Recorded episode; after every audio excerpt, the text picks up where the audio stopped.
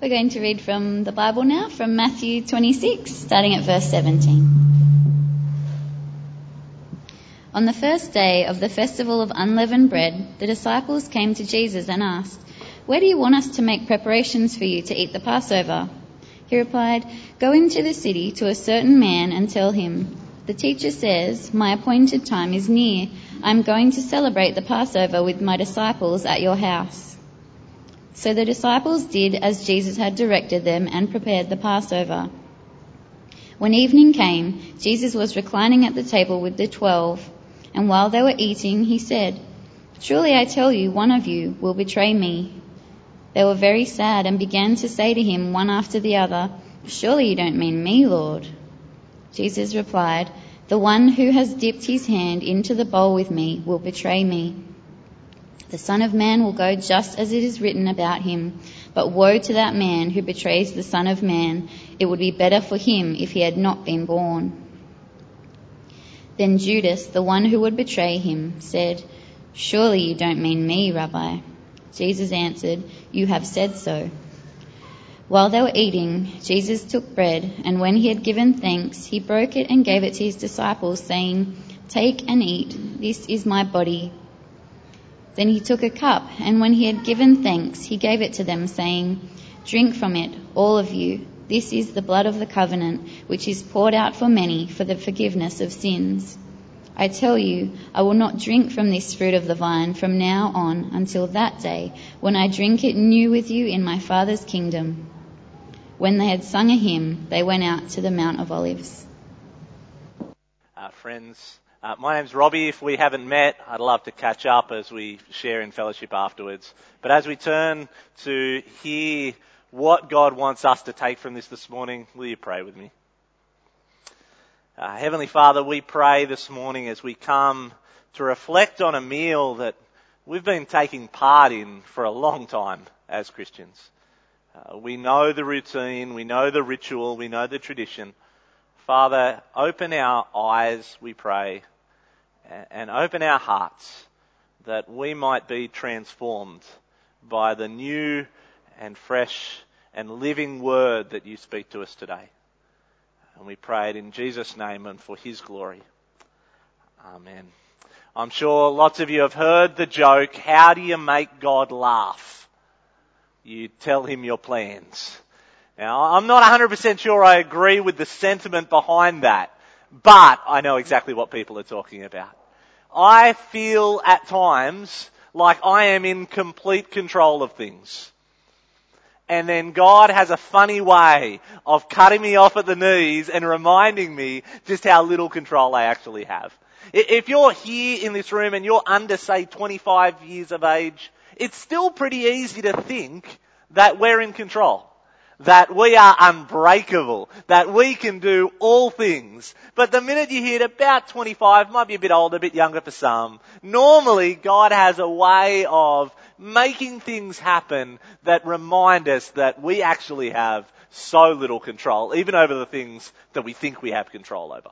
So let me give you an example. Uh, a few years back when uh, my wife and I had, had two children, um, my wife, for the first time, decided that she needed to go away, clear her head, get some time away with her family, and I was left alone with two young children, uh, one at preschool and, and one in nappies.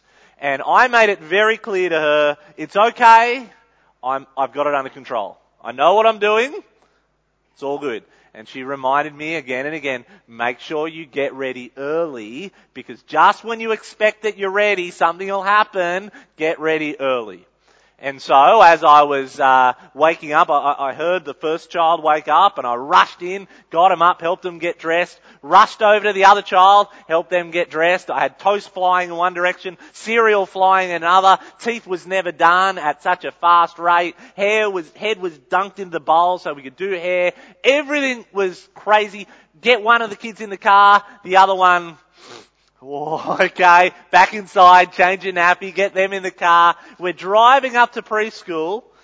My eldest Cameron is saying, but dad, but dad, I'm like, we're gonna get there. We're gonna get there. It's okay. We drive in the driveway. It's seven minutes to 9 a.m. And I'm like, yeah. I got it. You know the moment where you sort of feel your, your, your chest puffs out a little bit, feel like flicking the collar back and yeah, yeah, you said I wouldn't be ready, hey? And Cameron pipes up and says, hey dad, do you notice anything? I'm looking around, there's, there's not really any other cars in the car park. He goes, dad, it's a Saturday. I've got little kickers at 11, not preschool at 9. Just when I thought I was in complete control, I had it all sorted out, just when everything was falling into place, God chopped me off at the knees and said, really, you have so little control. That's a, a somewhat funny illustration, but all we need to do is watch the news, hear people's stories, really just go through life in general to know that we are not in control. To know that in many ways the world feels like it's out of control. I don't know about you, but I watch the news and I think, God, what are you doing in this? I, I, know in my head that you're in control, but it, sometimes it just doesn't feel that way. And so in the end, I tried generally to not watch the news. Which is why it's so important that we, as Christians, we have a head stuck in the Word of God. Because the message will be reminded again and again this morning is that while I don't have it under control, while you don't have everything under control, there is somebody who is in complete control. There is somebody who knows the intricate details, the ins and outs, the whens and why of everything who is never surprised, who never gets caught out. We have someone who is in complete control. So much so that this Jesus, this God, is in complete and utter control of the exact when that he's going to die. Now, I, we have no idea, do we? We literally have no idea. But Jesus is so in control so in control of the big picture, so in control of the smallest detail. The first thing we want to come away with this morning is that Jesus is complete control of the exact when that he's going to die. Now, we live this side of the cross, so we know that it's going to be Good Friday. We know that on that Passover day, that day of celebration, that Jesus is going to be nailed to a cross and give up his life for others. We know that, and Jesus himself predicts that. But there's a couple of things going on that must be making him feel, can I pull this off? He's got a couple of things going on that are going to make his desired death a bit of a complex issue. The first thing that's going on is Judas, one of his twelve, has already agreed to betray him. He's already been handed the 30 silver coins, and Judas is doing everything he can in his power not to make this awkward time drawn out any longer. I don't know about you, but if you've got a secret that you're not allowed to tell somebody, that every time you look at them, something wells up inside you and you just think, I, I can't wait to get this out. I, I don't like feeling this way. I just, I just feel like exploding every time. Imagine how much worse Judas feels. He's agreed to betray his friend, his teacher. He's just got to find the right time. And he wants it over as soon as humanly possible. And he thinks Jesus is going to celebrate his Passover He's going to be with a small, intimate group of friends in a private house. That would be the perfect time to betray him. If, you, if you're looking to betray someone and you don't want to do it publicly, you're thinking, when can I know exactly where they're going to be, exactly when they're going to be, and I can just tell the religious leaders and they'll come in and I'll feel better about myself. He's got this problem that he doesn't want Judas to betray him too early. And so what does he do? If you've got a Bible either, uh, either in front of you or on your phone, come with me to Matthew 26, starting at verse 17. How's he going to get over this Judas problem? On the first day of the Feast of Unleavened Bread, the disciples came to Jesus and asked, Where do you want us to make preparations for you to eat the Passover? At that point, Judas has got his little dictaphone ready. He's turning it on. He's going to record it. Later on, he'll hand that over. Everything will be sweet. Jesus replied, verse 18, Go into the city to a certain man and tell him, The teacher says, My appointed time is near. I'm going to celebrate the Passover with my disciples at your house. So the disciples did as Jesus had directed them and prepared the Passover. And, and, we know from other gospels that it's just three that Jesus sends. Judas is not one of them, just three of his disciples that he sends into this certain man's house to get the Passover ready. Do you see what Jesus is doing? He, he doesn't want his meal interrupted. He doesn't, he doesn't want to go too early. And so he effectively says, oh yeah, hey Judas, my disciples, they're going to go, they're going to go to so and so's place. Knowing exactly what Judas is thinking. You see, in, in preparing for his death, Jesus is in complete control. He doesn't want to go too early. And so he makes sure that Judas doesn't have a chance to betray him at the wrong time. But he's got a second challenge too, and that is he doesn't want to die too late. If, if you've been here as part of this series, you'll remember that uh, the, the religious leaders and the chief priests said, we want to kill Jesus, but we don't want to do it during the festival. Why? Because the people will riot. The people will go insane. So we don't want to kill him during the festival. So Jesus is saying, I don't want to die before Friday. I don't want Judas to come too early. But I also don't want to have to wait until Tuesday. My appointed time is the Friday, so I need to work out a way that the, the, the, the mechanics of it will happen and that I can die on the Friday like I'm supposed to. How's he going to do that? Well, he's going to throw the most gigantic atomic bomb into a dinner party that you've ever heard. Join with me from verse 20. When evening came, Jesus was reclining at the table with the twelve. And while they were eating, having a wonderful meal, doing all the right things of etiquette, They'd ignored the topics of sex, religion and politics. They've all been left out at the door. It's just a lovely, friendly meal with his friends. While they were reclining and eating, he said, I tell you the truth, one of you will betray me. Everything's going well, nice small talk, everyone's getting along, can you pass the cheese here and there? And Jesus says, oh, isn't this a lovely time? Hey, guess what? One of you guys is gonna stab me in the back. I, I've never been at a dinner party like that, but I reckon that would cause a little bit of tension among the group. I don't think there's any going back from that part of the conversation. Verse 22, they were very sad and began to say to one another, to say to him one after the other, who, who is it? You notice that that's not what they say? If I was there and I was a disciple and I knew I hadn't betrayed Jesus and Jesus said someone's going to betray me, my first question is going to be, who is it? Which one of these other guys has done this to you? But, but that's not what they say at all. They say, surely Lord, it's not I. And I, I think that's really profound. I think what that shows is when you're face to face with the God of the universe, you realize that He actually knows your heart better than you know your own heart.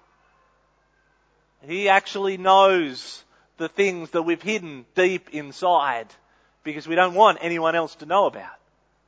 So one by one they sort of say, Lord, I don't think I've done anything to disown you and betrayed you. But you know my heart. It, please tell me it's not me. Lord, I, I don't want to have been the one. I think that's profound that this humility, even in the proudest, craziest bunch of guys, this humility comes when they're face to face to the risen Lord, to the, to the, the Lord who will be risen. And Jesus says, the one who has dipped his hand into the bowl with me will betray me. The Son of Man will go just as is written about him. This, this is all part of the plan. But woe to that man who betrays the Son of Man. It would be better for him if he had not been born at all. Now, when I first read this, I thought, wow, he's really pointed Judas out. But I actually think this again is meant to be a cryptic thing. My, my understanding is they're all sort of sitting around one common table, all reclined at an angle, not like the Last Supper we see in Leonardo's painting. They're all, and they're all dipping their hand into the same bowl. Jesus isn't actually pointing Judas out at this point. Because he knows if he points Judas out, the others are going to go and knock him off. They're going to say, you know, you're not going to betray him. We'll, we'll, we'll stop that talk right away. But what he needs to do is he need, Jesus needs to make crystal clear that Judas knows that he knows. And so that's exactly what he does. Then Judas, the one who would betray him, said, Surely not I, Rabbi. Can't even bring himself to call Jesus Lord. Surely not I, teacher. Jesus answered, in this version, yes, it is you. Now, I can't imagine that any of them would have been coming up and shouting to Jesus publicly. Surely not I in front of everybody. I'm sure they're all just sneaking over one at a time and saying, Hey, Jesus, it's, it's not me, is it? I'm sure Judas would have been doing exactly the same thing. He would have been sneaking up just to make sure that he looked like all the others, that he wasn't the odd man out. Sneaking up and saying, It's, it's not me, is it? Jesus goes, You sure know it is. Just go and get it done. Jesus needed the officials to change their mind. He needed the death to be brought forward into the Passover ceremony. And so he throws this curveball to Judas, and Judas scatters off like the rat that he is. And that night, the whole thing falls into motion. Jesus didn't want his death too early. He didn't want his death too late. He knew exactly when he needed to die. And he was in complete and utter control. And that gives me enormous peace.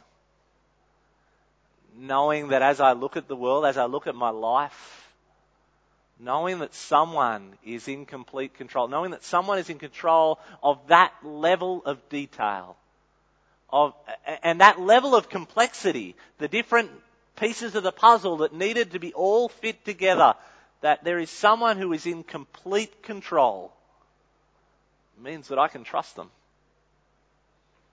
It means that as life differs from the pattern that I would like it to be, I know that there's someone who this hasn't passed out of their sight, out of their control.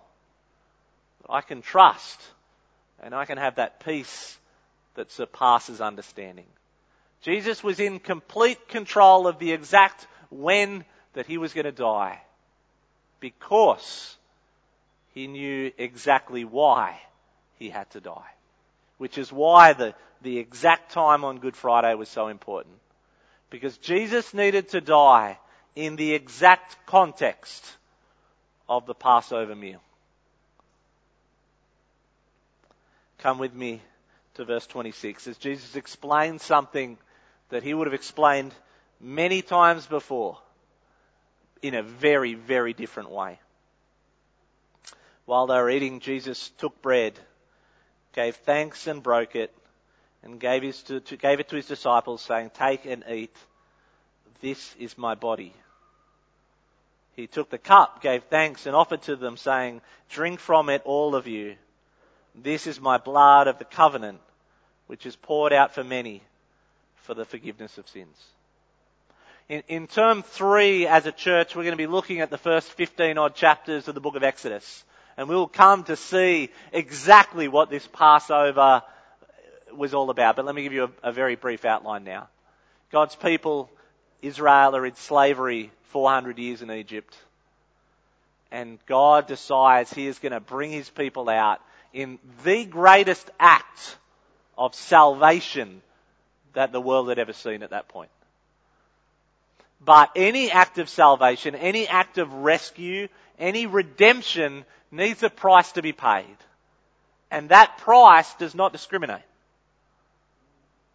Jesus, uh, uh, God had anointed a night where on that night, in every house, there was going to be a death. It was either going to be the death of a firstborn child, a firstborn son, or the death of a lamb.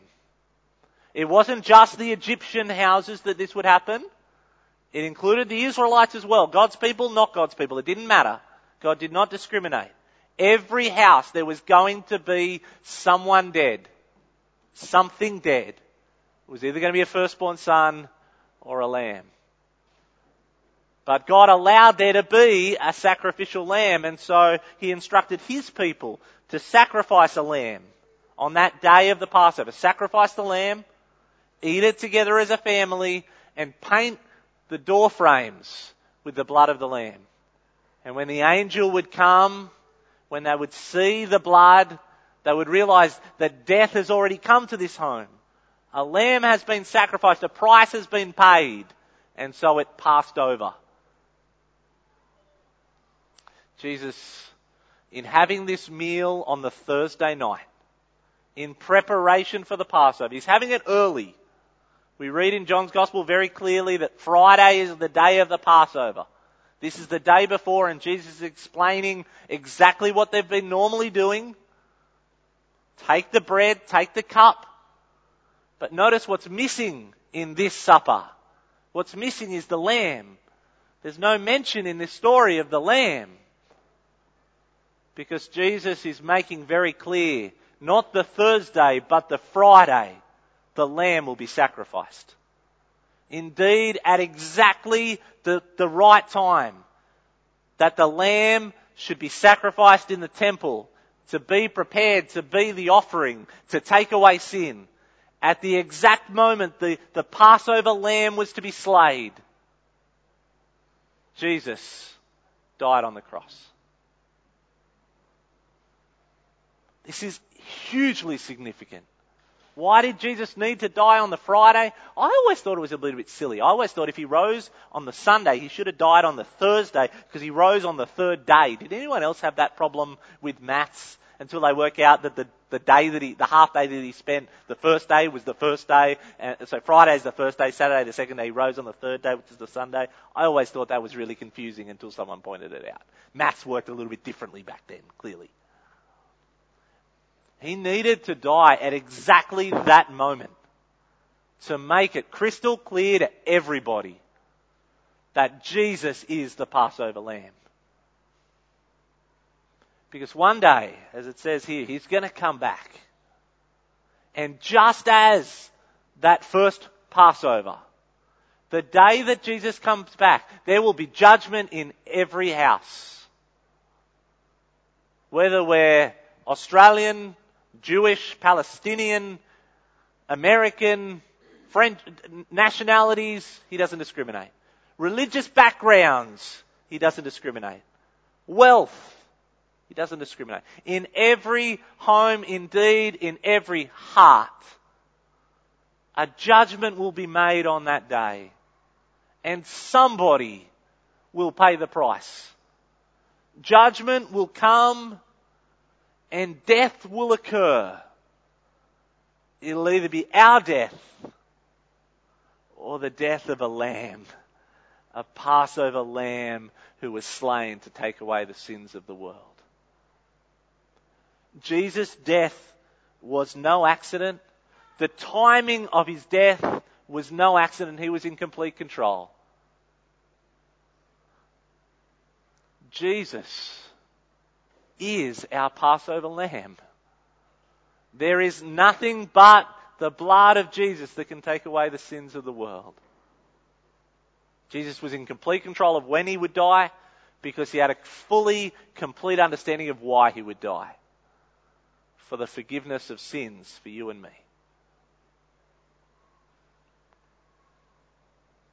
There are, there are days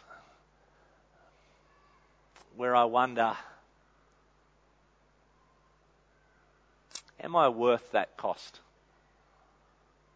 There are days where I think about the way I treat my friends and my family. It's always those who are closest to me. And I think, I, I don't deserve that. I don't deserve to be saved. I don't deserve to have someone else who is perfect take the punishment for me. And so when I get into those down feelings, I start to think, well, what can I do to deserve it? I'll, I'll go to church twice this weekend. I'll come back to see the guest speaker tonight. Just a quick blatant plug. 6 p.m. tonight. It'll be wonderful. Straight afterwards is um, uh, Catherine and Sam, Catherine Bates, Jeff's daughter's engagement party. Stick around. There'll be lots of. I'll go to church twice. I'll, I'll read my Bible more. I'll be more disciplined. I'll be more self-controlled. I'll earn it. And Jesus says, no. Don't even bother trying. I've already done it for you. The work's been done. The, the Passover lamb has been slain. Jesus has died. Forgiveness is offered. Don't try and earn it. Just say thank you. Accept it. And, and ultimately, that's exactly what we're going to do as Steve leads us in communion in a moment. Jesus is going to invite us to take, eat, and drink. He's going to invite us to trust Him, to realize that He is in control, to thank Him for sins forgiven, and to say, You are my Passover lamb. Thank you. Thank you. I love that we have this physical act, that we actually have to make the decision. Do I take the bread or do I not? Do I try and earn it myself or do I receive it as a gift? I take enormous peace. And, and, and when I recognize it, I have unstealable joy, knowing that God is in complete control, that He has forgiven me, and that all I need to do, day by day, is take Jesus, eat, and be thankful. Let's pray. Heavenly Father, we all, like the disciples, know that deep within us, we, we don't really deserve this. We struggle with doubts. We give into temptations. We hurt those around us. We trust in our own control and our own power way too much. But Father, Jesus, knowing that, willingly went to the cross for us. He willingly became our Passover lamb, our sacrificial lamb. Father, may we be thankful, eternally thankful. And may you give us the peace and joy and the pure delight that comes from knowing that you are in control, that we can trust you, that you are faithful to the end. For we pray it all in his precious name. Amen.